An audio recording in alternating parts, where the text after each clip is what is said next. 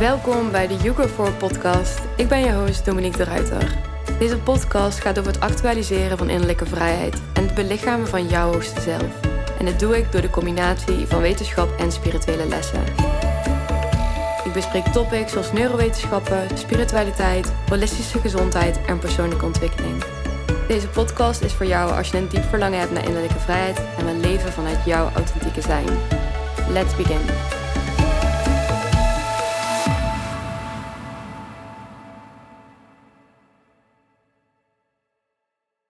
Hey en welkom terug bij weer een nieuwe podcastaflevering.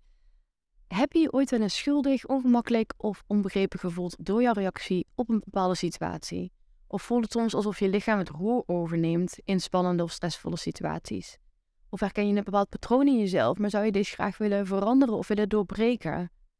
Wanneer je een van deze vragen hebt beantwoord met ja, dan is deze podcast echt helemaal voor jou. Want in deze podcast vertel ik je meer over de rol die je zenuwstelsel in je dagelijkse leven speelt, zodat je inzicht krijgt in waarom je gedraagt zoals je gedraagt onder stressvolle situaties.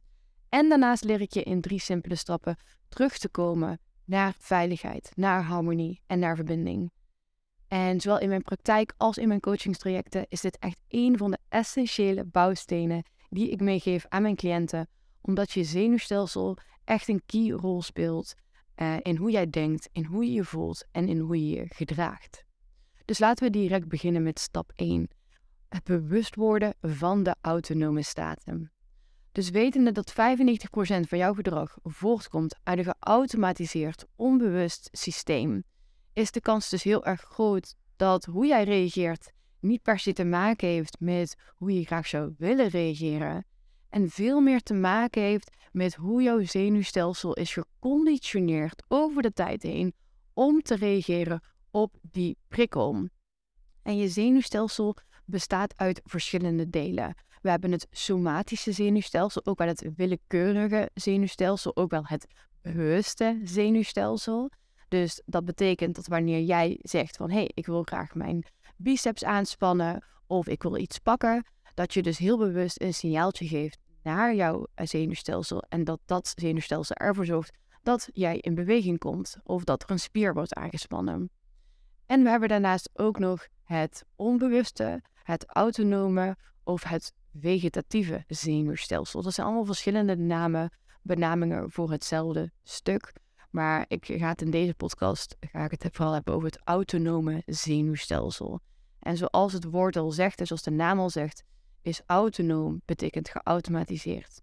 Dus dit zenuwstelsel uh, functioneert vanuit een onbewust systeem, een geautomatiseerd systeem. En regelt daarin dus ook geautomatiseerde processen, zoals hartritme, zoals bloeddruk, zoals lichaamstemperatuur, zoals hormoonhuishouding, zoals vertering, etc.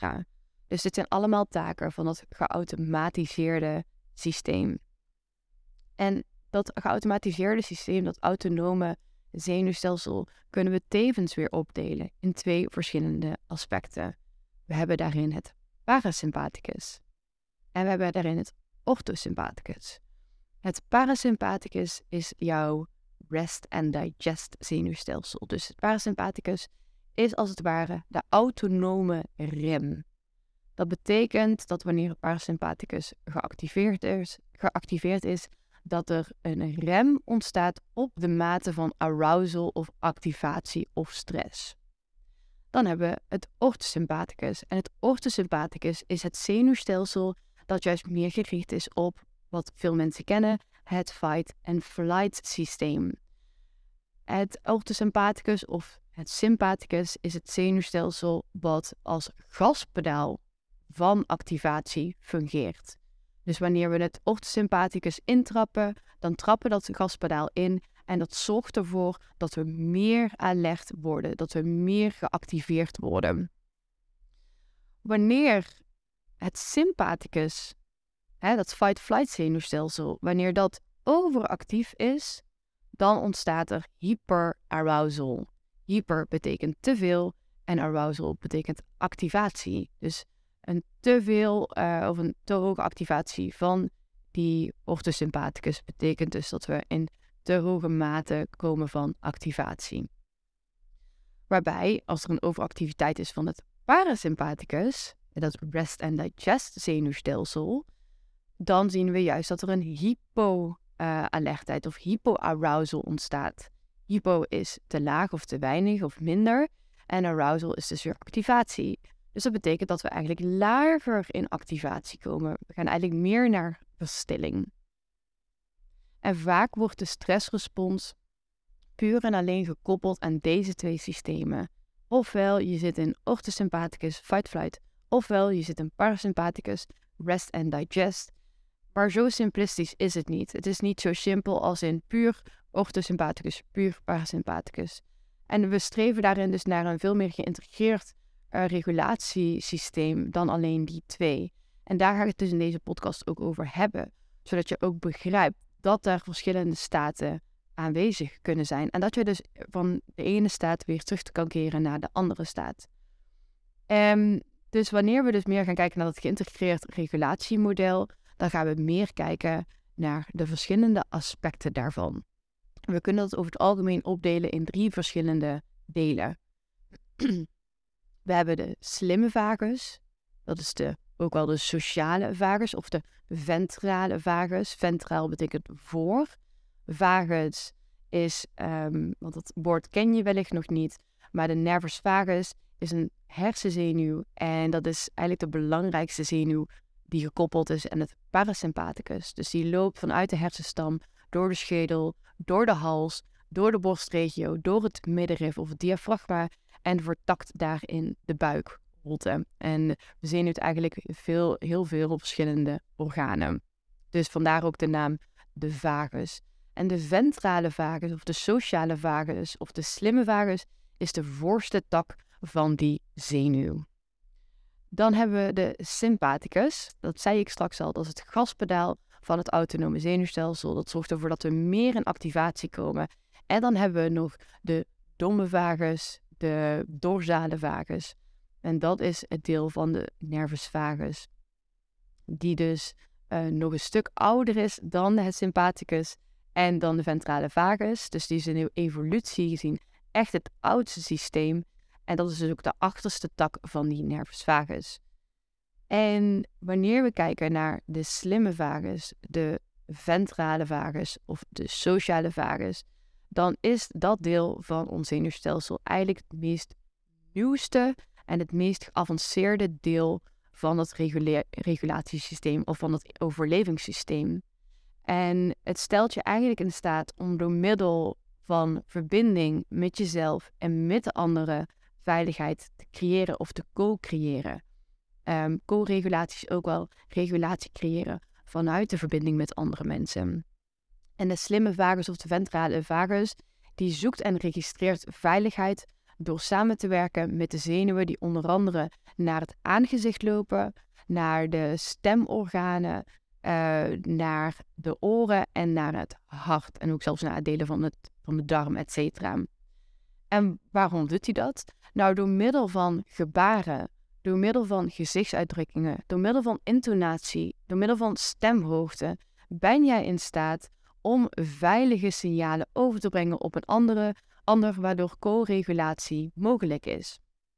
Maar het is niet het enige wat het doet. Dus het is niet alleen dat je het ook zelf kan uitzenden.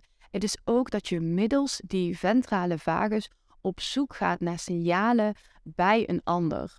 Dus wanneer iemand naar jou toe komt en, heeft, en die laat vriendelijke gebaren zien en heeft een warme stem, um, stemgeluid en heeft een, een uh, iets wat, wat um, zachtere stemhoogte bijvoorbeeld of een opgewekte stemhoogte. En hij of zij heeft uh, fijne gezichtsuitdrukkingen die, die verwelkomend zijn, dan ga jij dus met die slimme vagus dat dus ook interpreteren, dat ga je ontvangen en daaruit concludeer je dus ook met deze persoon is het veilig om in verbinding te gaan. En de slimme vagus vertelt je dus als het ware van je bent veilig, uh, er is ruimte om in verbinding te gaan met jezelf en anderen en ik geef je de tools om die verbinding te bewerkstelligen. En dit, is dus, dat, dit maakt het dus mogelijk om als groepsdier te overleven. Dus het is echt het allernieuwste deel van dat overlevingssysteem. Dan gaan we een stukje dieper. Dus een iets wat ouder systeem is de sympathicus. En de sympathicus die verhoogt de mate van energie en die verhoogt je bewustzijn. En dat doet hij door onder andere stresshormonen af te geven, zoals adrenaline, noradrenaline en cortisol. En dit overlevingssysteem stelt je in staat om ofwel te vechten, om ofwel te vluchten. En in beide gevallen wordt er dus bloed gevoerd naar onder andere het hart, de longen, het brein en bepaalde spieren, zoals de spieren bijvoorbeeld in de benen en in de armen. En het zorgt ervoor dat uh, er minder bloed wordt vervoerd naar bijvoorbeeld, ja niet bijvoorbeeld, maar naar de spijsverteringsorganen, naar de nieren, naar de blaas, naar de lever. Omdat die op dat moment minder belangrijk zijn. En dat is eigenlijk wel super handig, want het stelt dus ook het lichaam in staat om enorm veel energie op te wekken, die dus ook echt super belangrijk is om te kunnen vechten, om te kunnen vluchten. En dat stelt dus dieren en mensen in staat om middels vechten en vluchten een, gevaar te, om te kunnen ontkomen. Dus de sympathicus, sympathicus vertelt je eigenlijk: hey, het is niet veilig, er is gevaar. En ik geef je alle energie die er nodig is om e of te vechten of te vluchten, zodat je kan ontkomen aan dit gevaar. En tot slot, echt het oudste deel van ons overlevingssysteem bestaat uit de doorzale vagus, de domme vagus. En ik vind het woord dom altijd een beetje lastig, want het is geen dom systeem. Het is een super, super, super slim systeem. Alleen het is een heel oud systeem. En toch maakt het deel uit van wie wij zijn als mens. Dus we zijn niet alleen maar ons nieuwste deel, hè, we zijn ook de oudere delen. Wij dragen letterlijk de hele evolutie in ons. En die doorzale vagus is dus de het achterdeel van die, van die nervus vagus. En uh, die zorgt ervoor dat de mate van energie, de mate van bewustzijn wordt verminderd. Het hele lichaam komt in een soort van spaarstand.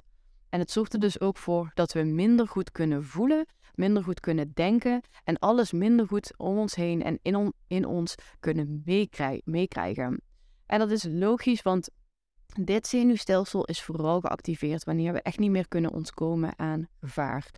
Dus uh, wat dit zenuwstelsel doet, is dat wanneer er gevaar is, wanneer we niet meer kunnen ontkomen, dan zorgt het ervoor dat het mate van bewustzijn minder wordt. Het zorgt ervoor dat pijn wordt gedempt en het maakt het soms mogelijk om te dissociëren. Dissociëren is ook een enorme belangrijke, ja, evolutionair belangrijke tool, omdat het jou in staat stelt om uh, bij gevaar, bij extreem gevaar, ervoor te zorgen dat er minder fysieke of psychische schade ontstaat. Omdat je dus echt uit uh, het contact met jezelf en met je omgeving wordt getrokken. En we zien dit bijvoorbeeld ook gebeuren bij uh, bijvoorbeeld seksueel misbruik, waarbij mensen echt letterlijk uit hun lichaam treden. En het lijkt alsof ze zichzelf zien, maar meer dan meer als iemand anders. Maar ook dat geeft uiteindelijk in een later deel van je leven wel heel veel schade en heeft heel veel consequenties. Dus de doorzale vagus, die vertelt je als het ware, het is niet veilig. En het is zo, het is zo onveilig dat we niet meer hieraan kunnen ontkomen. We kunnen het gevaar niet meer uit de weg. Maar wat ik wel voor jou kan doen, is ik kan ervoor zorgen dat je er zo, zo min mogelijk van meekrijgt. Om je te beschermen van de pijn. Dus dat is eigenlijk een, een heel erg mooi aspect, een mooi deel van ons zenuwstelsel. En zo'n mooi beschermend aspect van ons zenuwstelsel. En we zien het dus ook gebeuren bij dieren. Dus een aantal jaar geleden uh, lag ik met mijn ex-vriend in de tuin. We waren lekker aan het zonnen.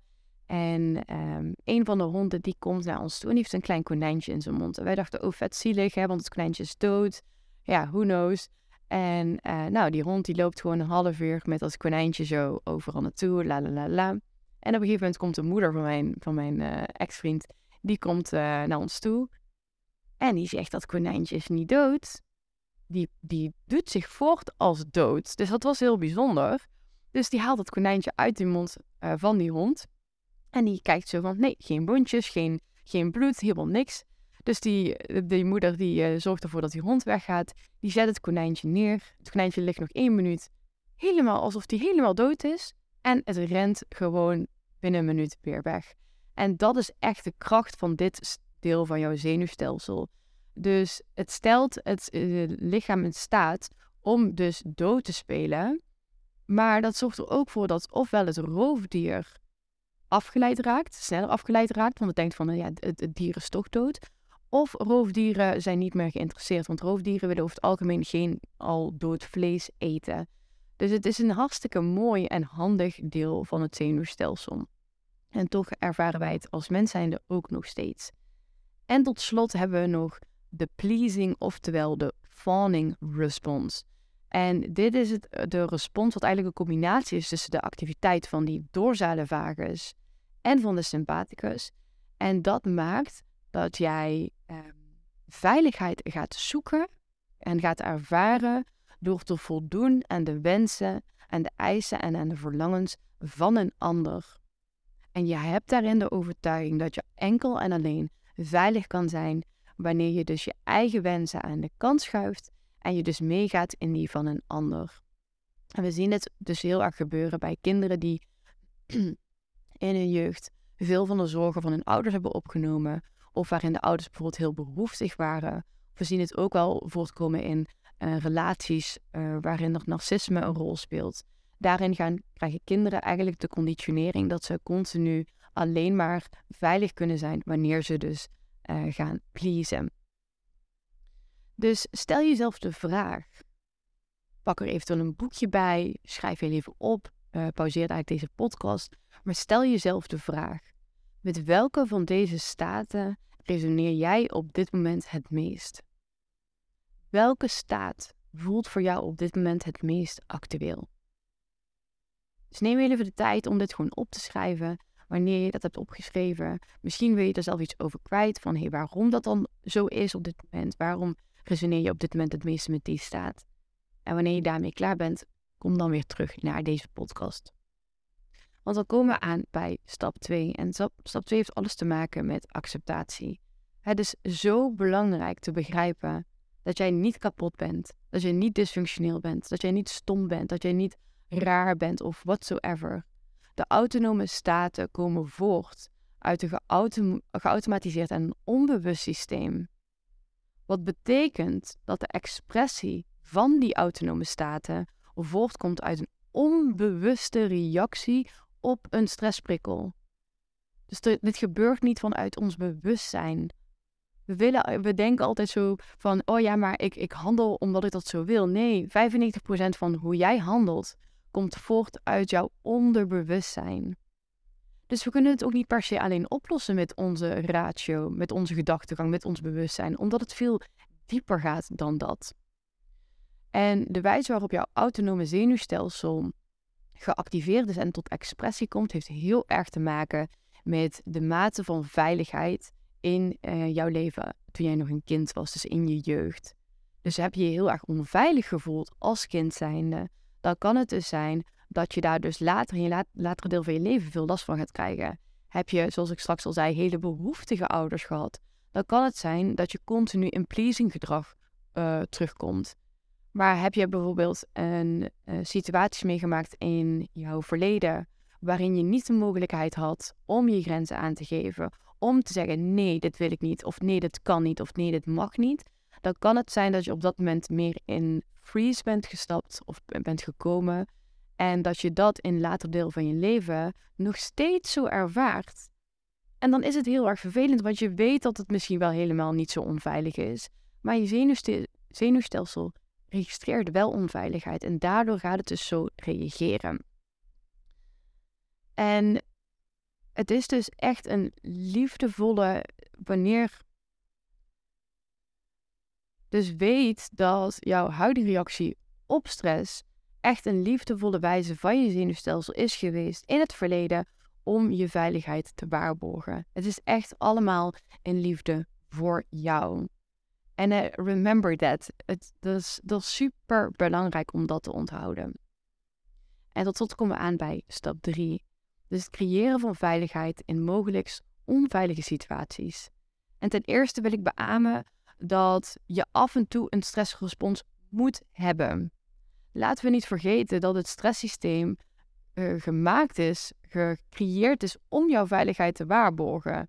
Dus we streven daarin niet dat je continu hè, Mrs. of Mr. Positivo moet zijn, of dat je continu in verbinding of harmonie moet zijn. Maar we streven er wel naar dat er een mate van flexibiliteit is. Dat er een mate van ehm, adaptiviteit is rondom uh, de regulatie van die verschillende staten. En we streven er dus uh, naar dat je stresssysteem niet per se gevoelig is afgesteld, waardoor je alles gaat registreren als zijnde stress. En dat je daarbij, als je door een stressrespons bent heen gegaan, dat je weer makkelijk terug kan komen in verbinding, in veiligheid, in harmonie. En des te bewuster je wordt van die verschillende autonome staten, des te beter jouw brein en lichaam en hartverbinding wordt. En des te meer het helder voor je wordt in welke autonome staat je op dat moment verkeert en wat je kan doen om dan weer terug te keren naar harmonie, naar verbinding, naar liefde, naar uh, sociaal gedrag. Dus stel jezelf eens de vragen: wat zijn triggers die ervoor zorgen dat ik in een bepaalde autonome staat kom, dat ik daarin ga verkeren? Dus wat triggert nou mij waardoor ik in freeze stand kom? Wat triggert mij waardoor ik in fight-flight een respons kom? Wat triggert mij uh, waardoor ik in een pleasing respons kom? En wat zijn mogelijke, mogelijke uitnodigingen om in die staat van verbinding te komen? Dus wat maakt jou wel, uh, wat maakt, geeft jou wel een gevoel van veiligheid? Wat maakt jou wel, um, of wat geeft jou wel verbinding? Wat geeft jou wel die liefde? Dat is de eerste vraag.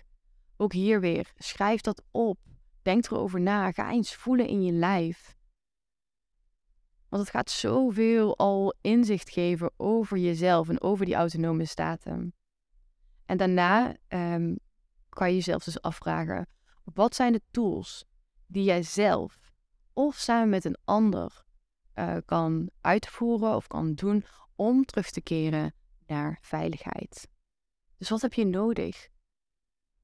Dus stel je voor wanneer je heel snel uh, valt in een staat van freeze, hè, die dorsale vagus waar we het over hadden, dan kan het zijn omdat je dan al in enige mate wellicht bent gedissocieerd van het hier en nu, van je lijf, dat het op dat moment waardevol kan zijn om je gewaar te worden van alles rondom je. Dus ga eens kijken van, hé, hey, wat, wat, wat beweegt er, wat, wat gebeurt er rondom mij? Ik zie een muur, ik zie een plant, ik ruik misschien uh, een geur of ik ruik misschien iets wat in de oven staat.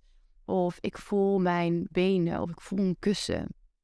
Dat zijn allemaal manieren om meer terug te komen weer naar het hier en nu. Merk je dat je bijvoorbeeld snel in een fight-flight respons komt, dan kan het bijvoorbeeld heel waardevol zijn om die energie te gaan inzetten. Want je hebt enorm veel energie gekregen om te vechten of om te vluchten. En die energie kan je dus omzetten. Dat betekent dat je bijvoorbeeld kan gaan hardlopen, dat je kan gaan dansen, dat je kan gaan springen, dat je kan gaan trillen, dat je misschien wil gaan schreeuwen. Dat zijn allemaal manieren om de overtolligheid van die energie te kunnen uiten.